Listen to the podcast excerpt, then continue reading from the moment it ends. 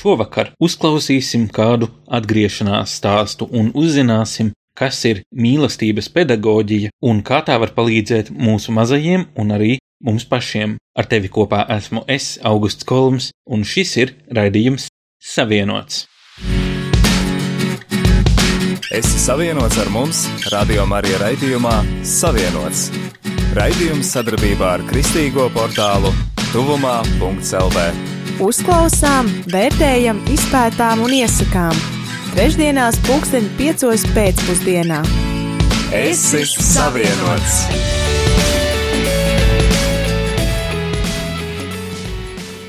Rubrika Personas. Ar tevi raidījums Savienots. Kopā ar mums šovakar ir Ina Grasmane no mīlestības mājas. Par mīlestības māju vēl pēc mirkļa runāsim, bet vispirms, Ina, pastāstiet par savu ceļu pie kristīgās ticības.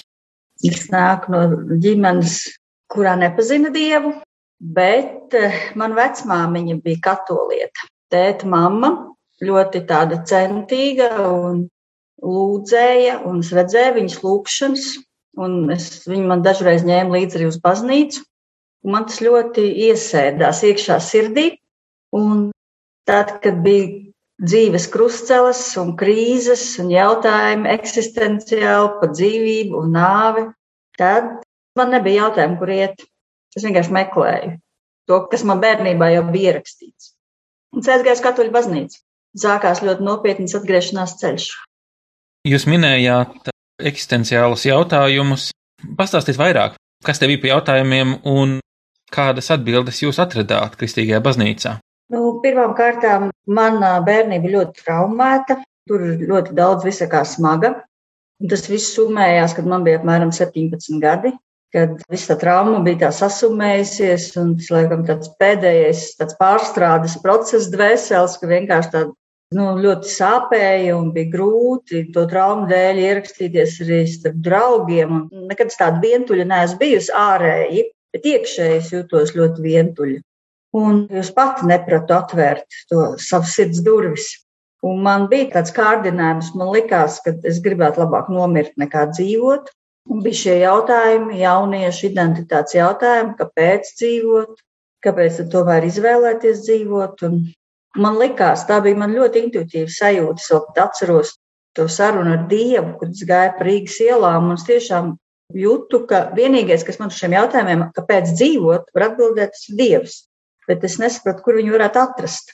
Jo tas bija vēl padomi laiks, baznīca vēl bija slēgtām durvīm, Un, nu, svētdienās varbūt varēja ieiet, bet es to tad nedomāju. Es vienkārši domāju, kur es varētu satikt Dievu.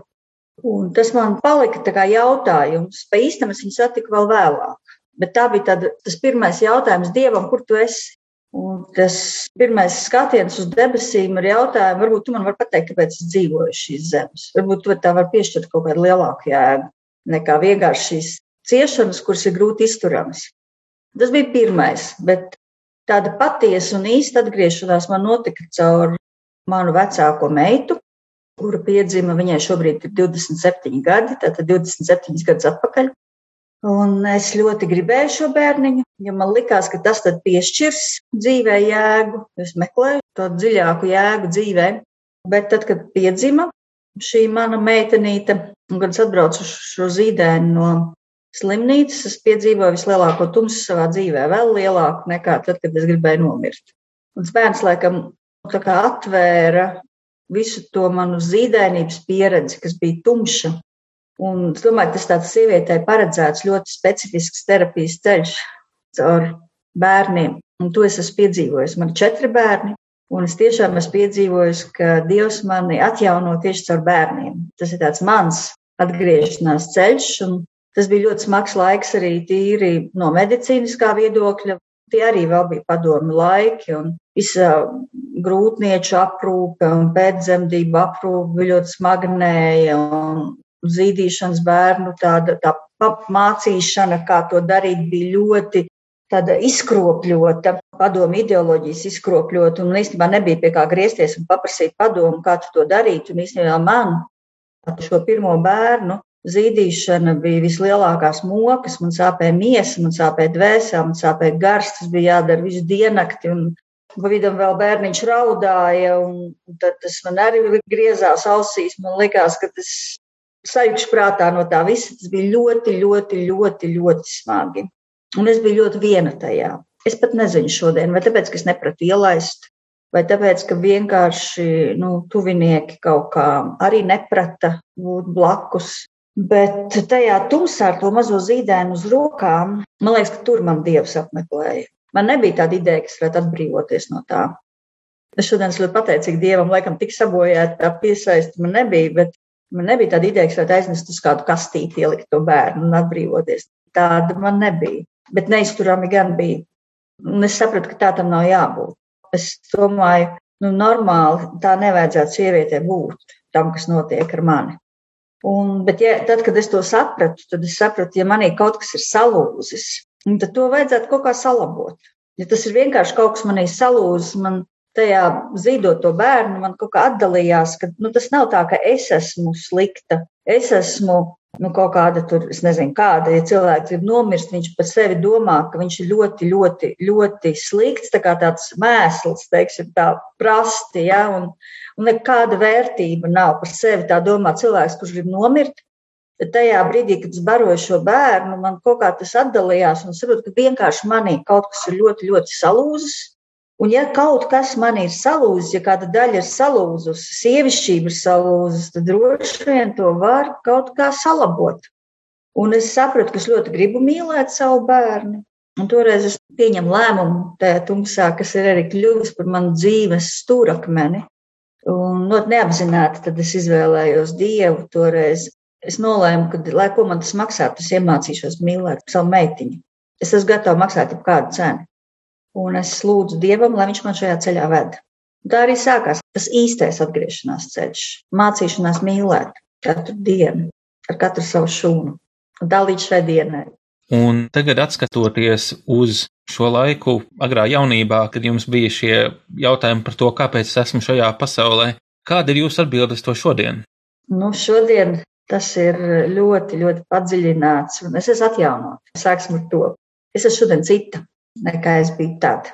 Tas nenozīmē, ka man nav sāpes, ka man nav tās traumas, sekas, kad es neizjūtu kādreiz kādu bezcerību vai izmisumu, bet man nav jautājumu par dzīves jēgu, principā kā tādu. Es redzu visam jēgu arī ciešanām. Šodien mana jēga ir mani četri bērni, mana ģimene un šis ceļš, transformēšanās ceļš, varētu tā teikt, visiem kopā. Es esmu ieraudzījis, ka sieviete tur savās rokās ļoti spēcīgas atslēgas, un ja sieviete iet šo transformēšanos ceļu, tad viņai visapkārt mainās.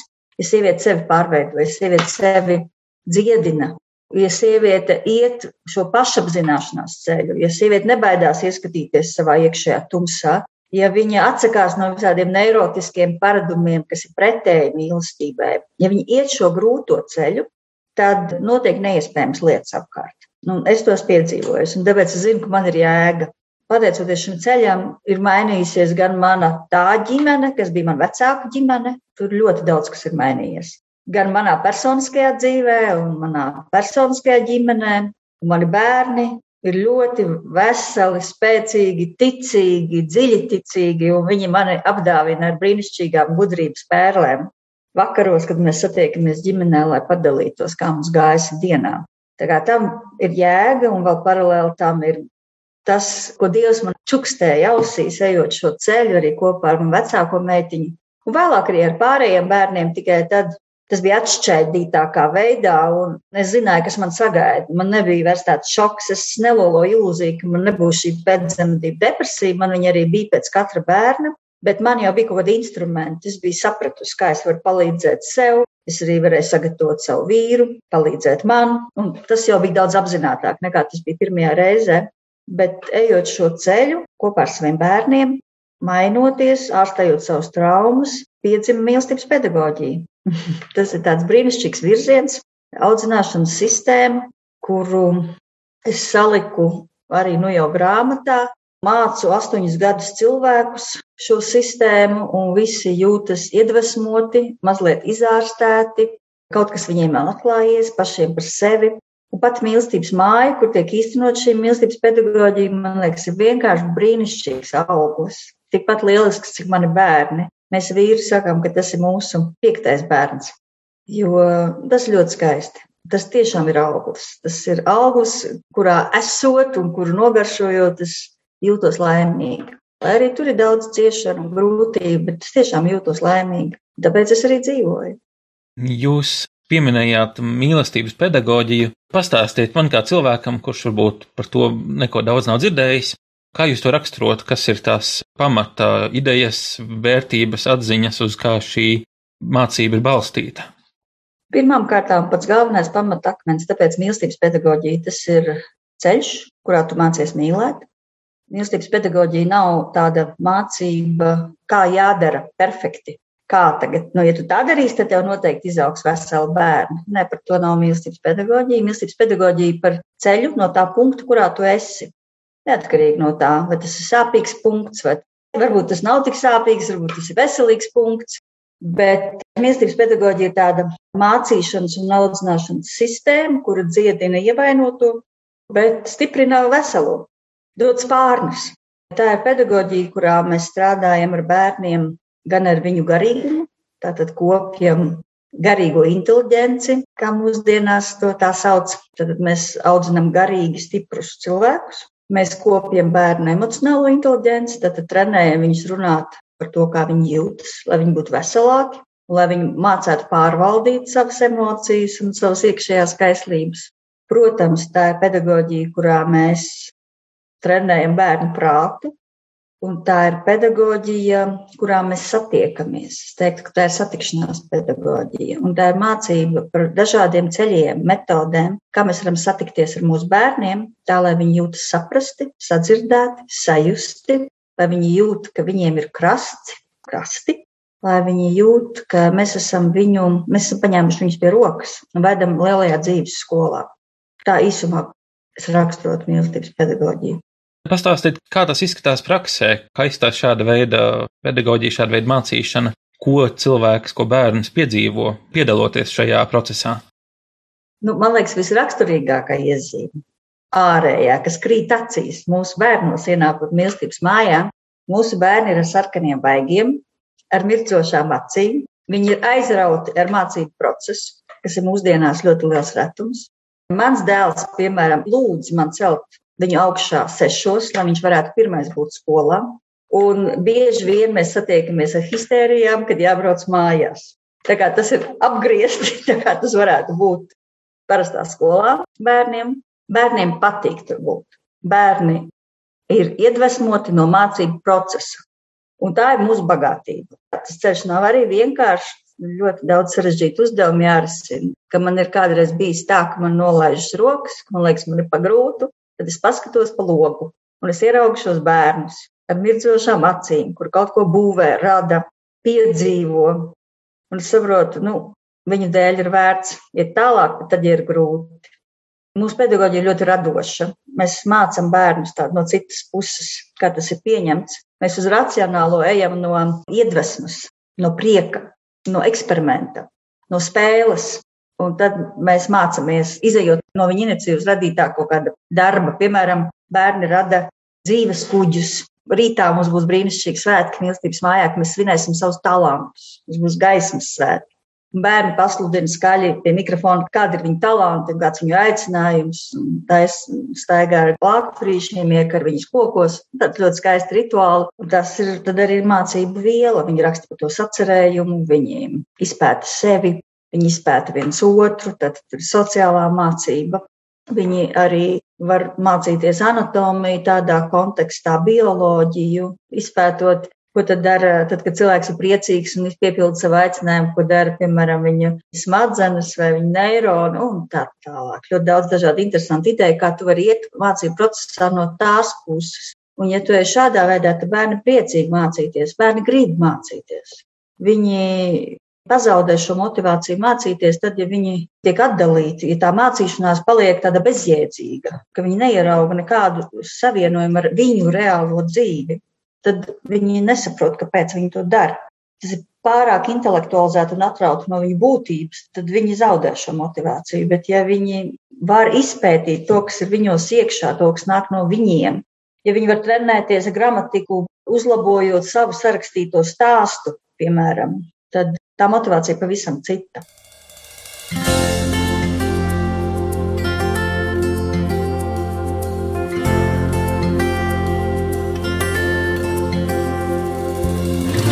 Sapņi zudušie atkal uzplaukst un zied. Sirdis kumušās, atkal līksmo un dzied. Rokas gurušās, atkal spēcīgas kļūst.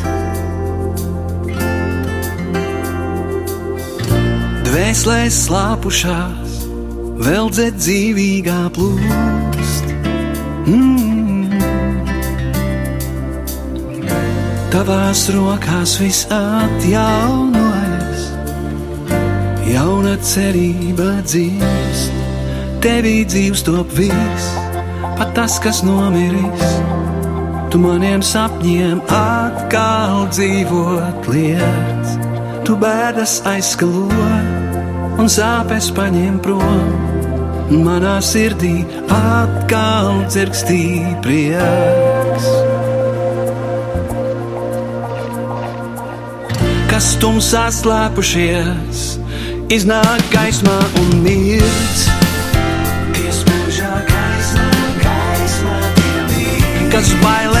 Bēguši, tiem tagad drosmīga sirds.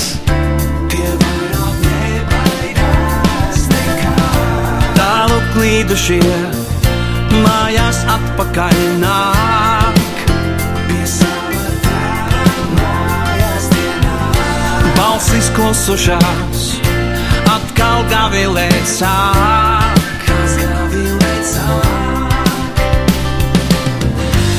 Tavās rokās viss atjaunojas,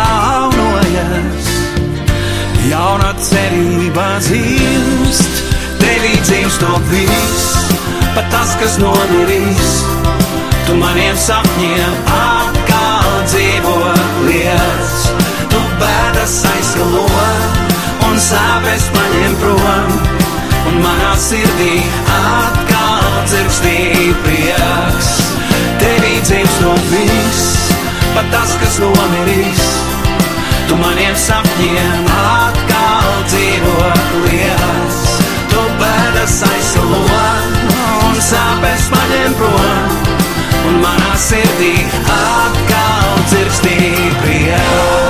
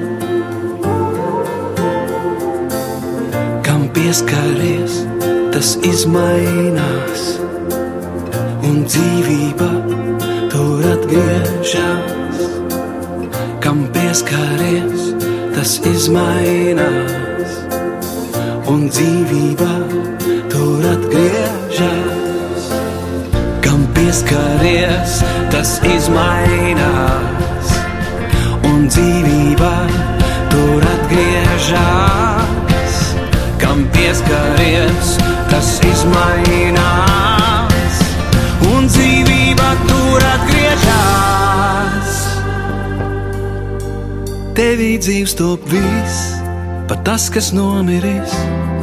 Tu maniem sapņiem atkal dzīvot lietas, tu bēdas aizskalot un sāpes paņem prom un manā sirdī atkal dzirkstīja prieks.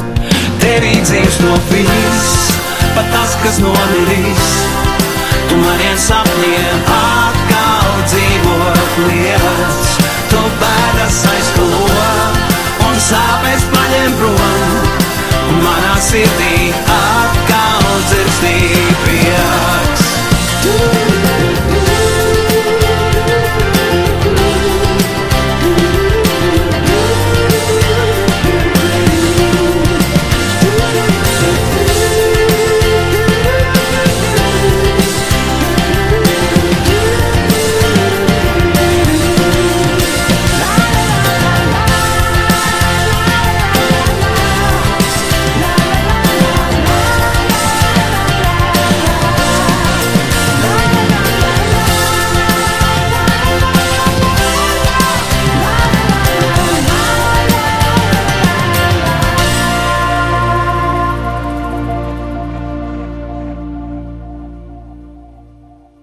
Šovakar kopā ar mums ir Ina Grasmane no izglītības iestādes Mīlestības māja.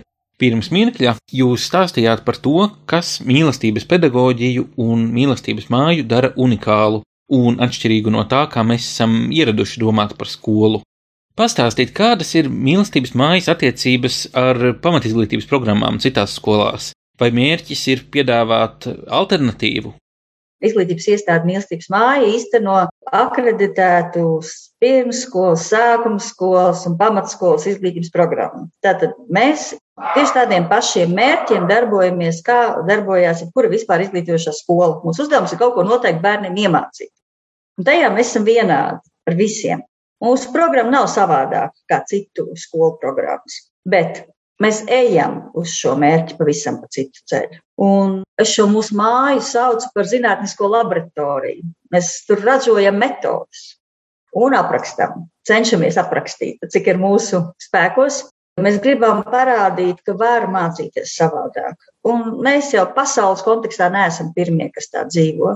Ir dažādas valstis, Somija, arī Amerikā, kur noteikta izglītības līmeņa iestādes, kur tieši šādi mācās. Tas nav nekas tāds jauns pasaules līmenī, bet, protams, Latvijā mēs tā kaut kā ļoti smagnēji tveram izglītības procesu. Un tur īpaši jānotic, ka ejot pa šo radošo, nu, to iedvesmas priecīgo ceļu, arī bērns var sasniegt tieši tos pašus rezultātus. Un es pat teiktu vēl vairāk, aiziet savā intelektuālā izglītībā vēl tālāk, nekā vienkārši sēžot solā un trenējoties, trenējoties, bet skolotāji bieži vien ir tik ļoti ieaudzināti tajā, ka tikai tas treniņš, garlaicīgais treniņš dod tos augļus un rezultātus, kad ir grūti noticēt. Es vienkārši esmu arī vedusi skolotājus šajā visā ceļā un turpinu vest, un, un man arī ļoti pieredze mīlestības mājā ar skolotājiem, kā viņus ieformēt, noformēt, lai viņi varētu tā mācīt.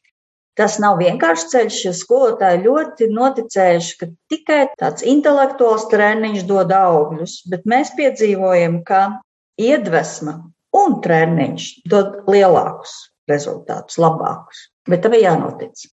Un kas būtu pirmā lieta, ko jūs mācītu skolotājiem? Kas būtu tas, ko viņi varētu iemācīties no šīm metodēm vai no šīs pieejas, kas viņu darbu darītu auglīgāku, svētīgāku, efektīvāku un varbūt mudinātu tos bērnus arī gribēt celties agrāk un iet pie viņiem mācīties? Es jau mācu skolotājus, un mēs strādājam pie tā, lai mēs varētu arī izveidot tādu programmu, tieši profesionālās izglītības programmu skolotājiem. Tad pirmais, ar ko es sāku, tas lēmums mīlēt. Tas ir specifiski izvēlēts dzīvesveids, kuru var nolemt, var izvēlēties katrs cilvēks.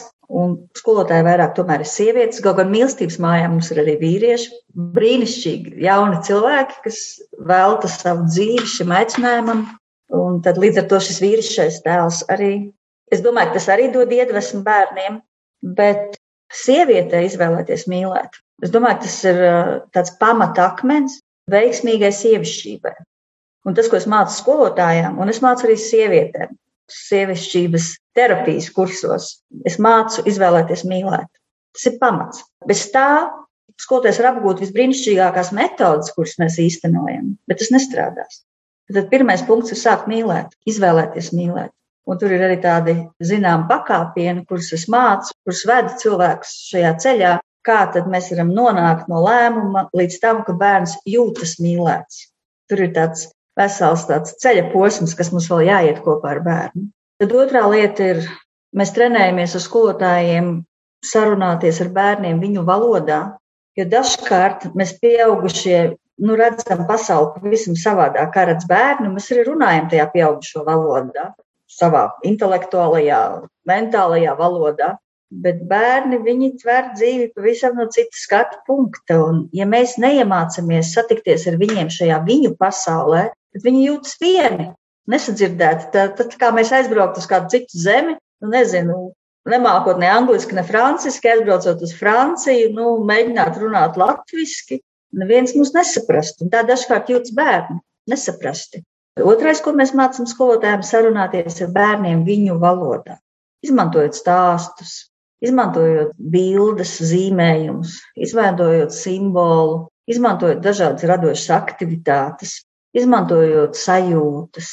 Un tādā veidā arī mācoties satikties ar bērniem tajā, kā viņi jūtās. Mums rūp, kā viņi jūtās. Tas arī viņus iepriecina ļoti. Mūsu mīlestības mājās skolotājiem rūp, kā jūtas bērni, kā jūtas bērnu skolā. Un mēs gribam, lai viņi jūtas labi. Jo tad, kad cilvēks jūtas labi, tad viņam arī labi iet mācībās.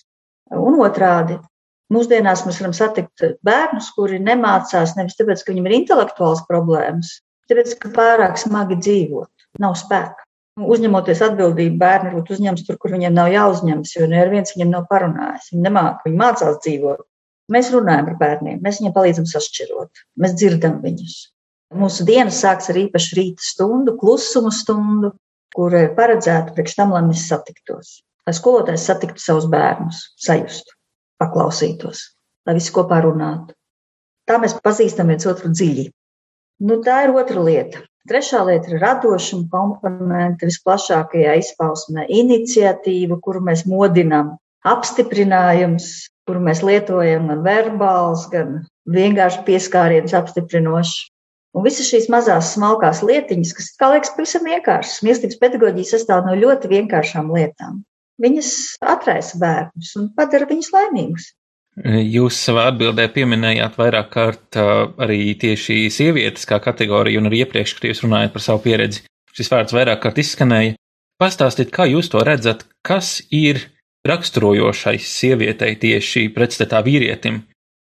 Nu, ja mēs skatīsimies ģimenes kontekstā, tad tā galvenā atšķirība, man liekas, ir, nu, ka tētis dod bērniem drosmi, bet sieviete drošību.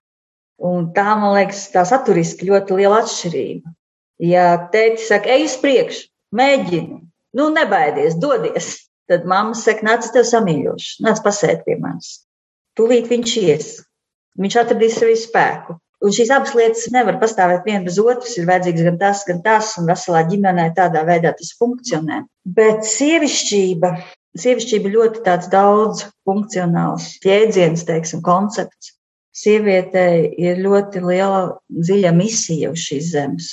Protams, viss sāks ar šo lēmumu mīlēt un šo izvēli, bet vai sieviete, kurai viss apkārt attīstās, uzzied, aug, pieaug, pieņemas spēkā, vai ir sieviete, kurai viss apkārt novīst un vēl vairāk iznīcinās. Un tie divi tipi dzīvesveidi, divi tipi scenāriji. Sieviete, kura paliek destrukcijā, varbūt tajā traumā, kas viņai ir bijuši, viņa turpina traumatizēt savus bērnus, savu ģimeni, un tad tas viss tāds ir negatīvs, vai sieviete, kura izvēlās uzvarēt. Mīlestības pedagoģija ir par to, kā mums izaudzināt bērnus, kur izvēlas uzvarēt, kur izvēlas iet uz priekšu, kalpot labajam, neskatoties uz to, ka varbūt apkārt vētra bango, kā šobrīd varbūt mūsu politiskā situācija. Nu, kā ir, tā ir, bet mīlestības māja turpina dedzināt, spridzināt, dzīvot, iet uz priekšu. Mūsu mīlestības mājas kuģis, mēs tā arī saucam, vienkārši peld uz priekšu un izgaismo pasauli. Tie ir tādi divi, divi scenāriji. Pirmā, tas viss sākas ar to, kuru sievieti izvēlas.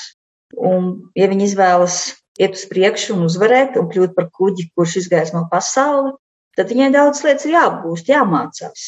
Jo mīlestība pie lēmumu neapstājas. Tur ir jāmaina paradumi, jātrenējas teikt mīlestības vārdi. Tā kā dārzā mums ir jāiemācās pareizo mēslojumu lietot, īstajā brīdī aplaistīt, un tad tur viss zaļo. Tāpat ir sievietē apkārt. Viņai tas viss ir jāmācās. Un ja viņa gatava mācīties, un ja viņa gatava iekopt arī šo savu dvēseles dārzu, tad notiek viņai apkārt ļoti skaistas lietas. Un es pats šajā ceļā esmu atradusi tādas, es esmu noformulējusi priekš sevis tādas sievietes veiksmes atslēgas. Un tad ar tām es dalos šajā sievišķības terapijas kursā par sievietēm. Varbūt jūs varat kādu piemēru pateikt mūsu klausītājām, tā mazliet nobaudīt no tā, ko viņas varētu pie jums apgūt. Tas ir ļoti vienkārši. Tas nav nekas.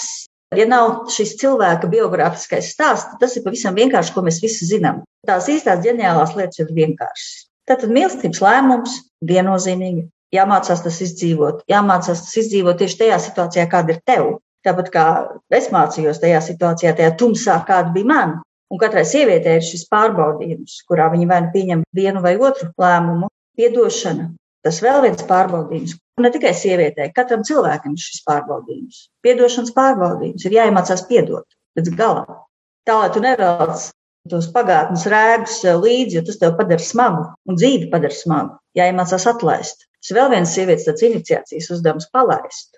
Palaist gan slikto kaut ko, kas ir bijis, gan nepiesaistīt to, kas nepieder tev, piemēram, bērnus izaudzināt, atdot un atlaist dzīvē viņus, jo viņi jau dzīvē tiek audzināti nevis kā privāti īpašums. Un tas nav vienkārši, tas ir viegli pateikt, bet izdzīvot to ļoti sarežģīti, grūti, sāpīgi. Un tādēļ šis ceļš kopā ar sievietēm, nu tieši viņas biogrāfijā, iziet no viņas tā stāsta, mēs meklējam šo viņas piedošanas ceļu, piemēram, viņas mīlestības ceļu. Un tāpat arī došanās savā sāpīgākajā punktā, tātad savā traumā. Es ļoti iedvesmojos no kāda sengrieķa mīta, kur ir tāda epizode, ka sievietei ir jādodas garām vēlniem, jo viņai ir jādabūna tas gredzens, kas ir viņas gredzens. Tātad, nu, pārvēršot mūsdienu valodā, es teiktu, nu, no simbolu valodas uz mūsdienu valodu, sievietei ir jāatrod spēks doties tajā tumšajā punktā, tajā savā traumā, lai atgrieztu sev to, kas ir viņas, kas ir vēlnu nolaupīts īstenībā. Un tā ir māksla to izdarīt. Tu pat viens to nevar izdarīt. Tur ir vajadzīga īpaša gudrība, pārdabiska, tad, tad sievietes ticība te ir ļoti svarīga. Citādi nevar tos vēlmus nekādi viņam garām tikt bez dieva klātbūtnes. Kopā ar dievu to var izdarīt. Atgriezt to, kas tev ir nolaupīts. Un kas tad ir nolaupīts? Nu, bieži vien tā ir vērtības sajūta, tā ir tāda neticība, ka tu kaut ko varēsi izdarīt, to, kas tev jāizdara. Neticība, ka tev ir talanti, piemēram, nu, manā gadījumā izpostīta, salauzta sievišķība, kas bija.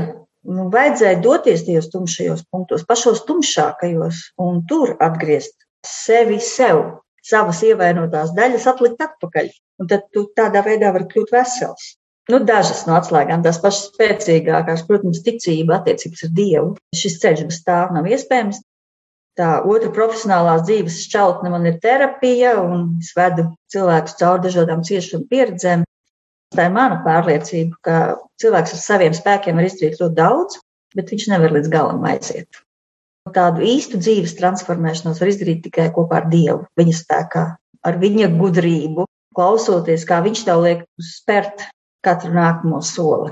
Galu galā pasakās arī princesēm nāca skudriņas palīgā un vēl visādas pārdabiskas būtnes. Un kas tad tas ir? Simbolu valodā tas ir sievietes attiecības ar Dievu. Jūs minējāt, iepriekš runājot par bērniem, kuri no mātes saņem drošību, no tēva saņem drosmi. Ko tad darīt, ja es pieņemu, varbūt jūs arī saskaraties ar bērniem, kuri nav saņēmuši vienu vai otru, un kas ar viņiem tad ir noticis? Varbūt pastāstīt, kas notiek, ja bērni nesaņem vienu vai otru. Es pieņemu, tur būtu arī atšķirīgi tas ir zēniem vai meitenēm. Ja attiecīgi mamma vai tētis ģimenē nav vai ir attāls, kas notiek un kā to risināt?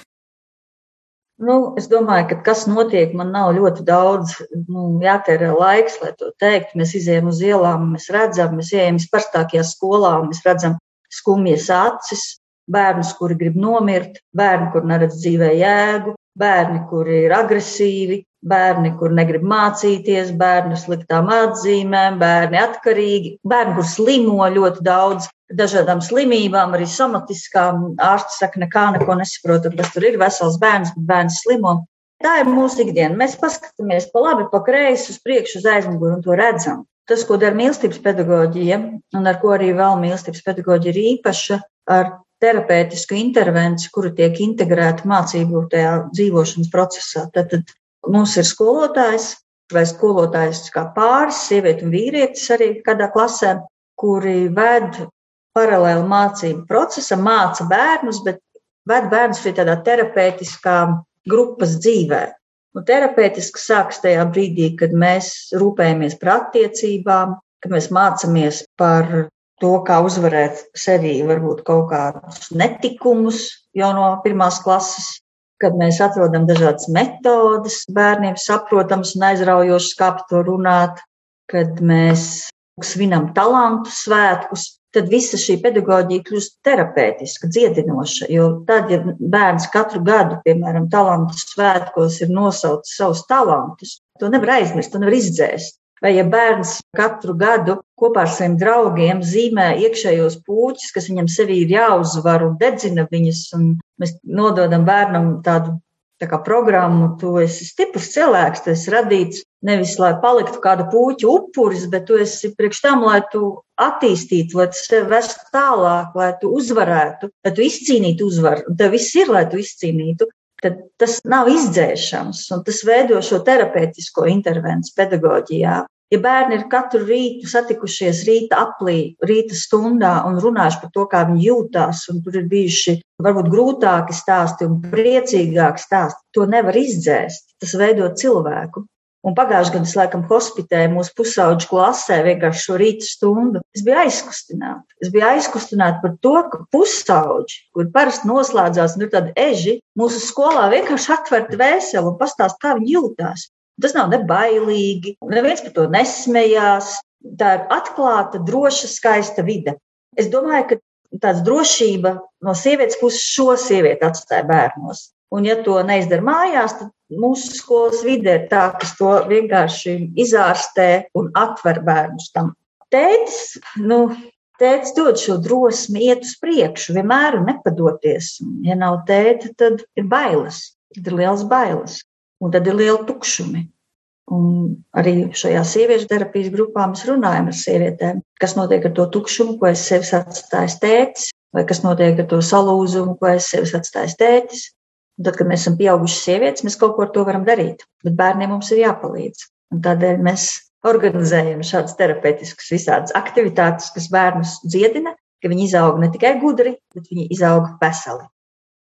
Un tad, nu jā, mēs nevarētu pabeigt šo interviju, nepajautājot pašu svarīgāko jautājumu par jūsu grāmatu. Pastāstiet, kā sauc jūsu grāmatu vispirms? Tas ir mans šis, visa šī, šī ilg, no atgriešanās brīža līdz šai dienai darba šis mīlestības pedagoģijas apkopojums vienā grāmatā. Grāmata saucās Mīlestības pedagoģija audzināšana, kas dziedina. Viņa šobrīd ir tipogrāfijā, un es domāju, ka viņa nu, tuvākajā laikā ieraudzīs dienas gaismu.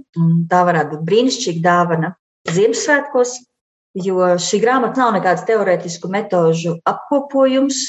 Tā ir grāmata par dzīvi, Tā ir grāmata, kurā ir atspoguļoti gadījumi, reāli, kā mēs viņus esam risinājuši. Tur ir, protams, arī apraksts dažādu metožu.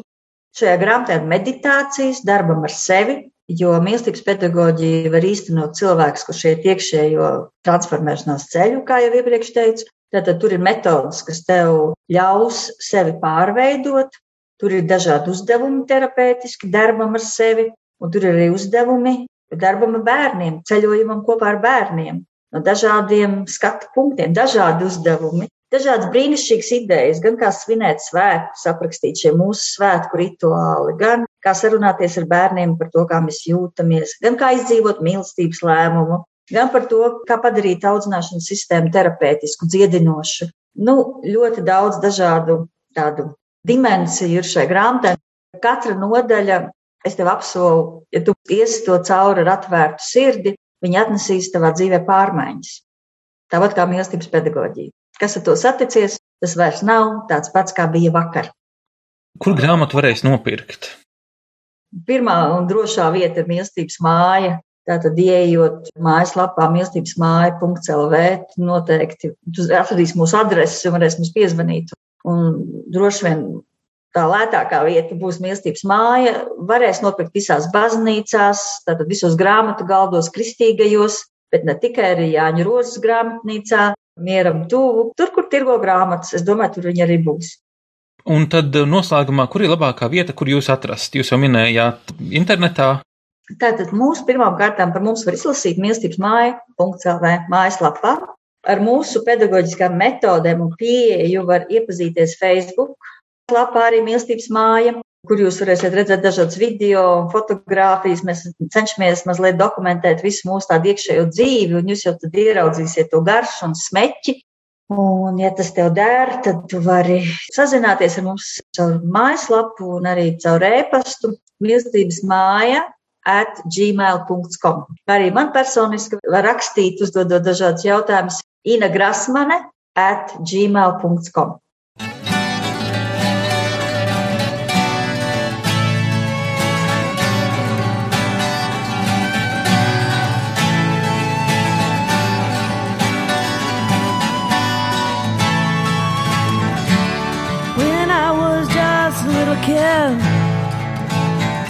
peeking around the corner.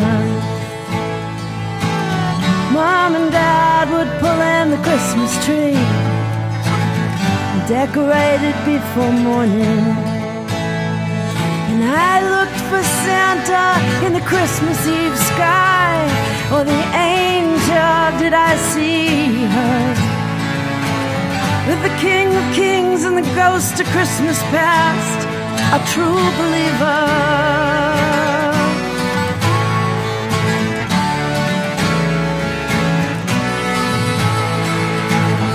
Kept believing till one year came. I saw no reason for the season. The outstretched hand of my humanity couldn't find a hope or meaning. I think I sipped a little more than a cup, sang a song to keep me breathing.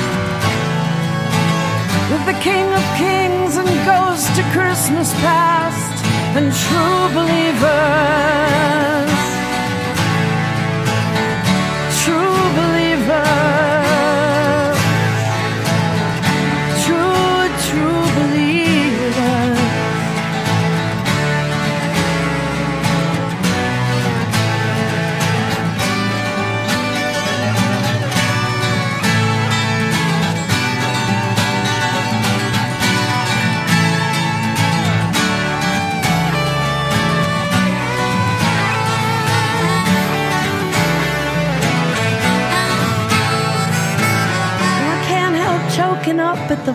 Of wonder, giving away more than I am earning. It's a Christmas folly, it's a passion play, a life in my soul returning. And I still look up at the Christmas sky. For the angel, do I see her? with the King of Kings and goes to Christmas past and true believers, true believers,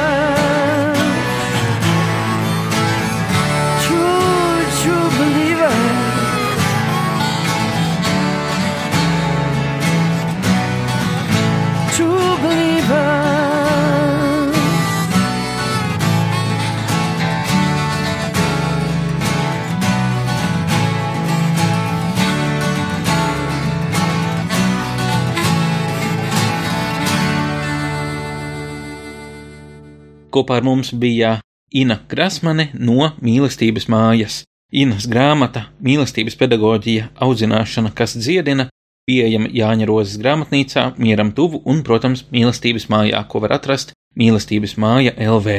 Man ir bijis prieks būt kopā ar mūsu raidījuma viesiem un mūsu mīļajiem klausītājiem šajā mūsu kunga 2021. gadā.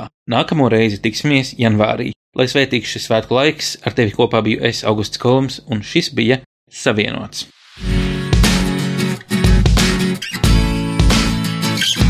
Tu klausījies raidījumu Savienots. Būsim atkal ēterā trešdien, pulksten piecos pēcpusdienā. Klausies mūsu radio Marija un lasi kristīgo portālu tuvumā.lv. Es esmu savienots!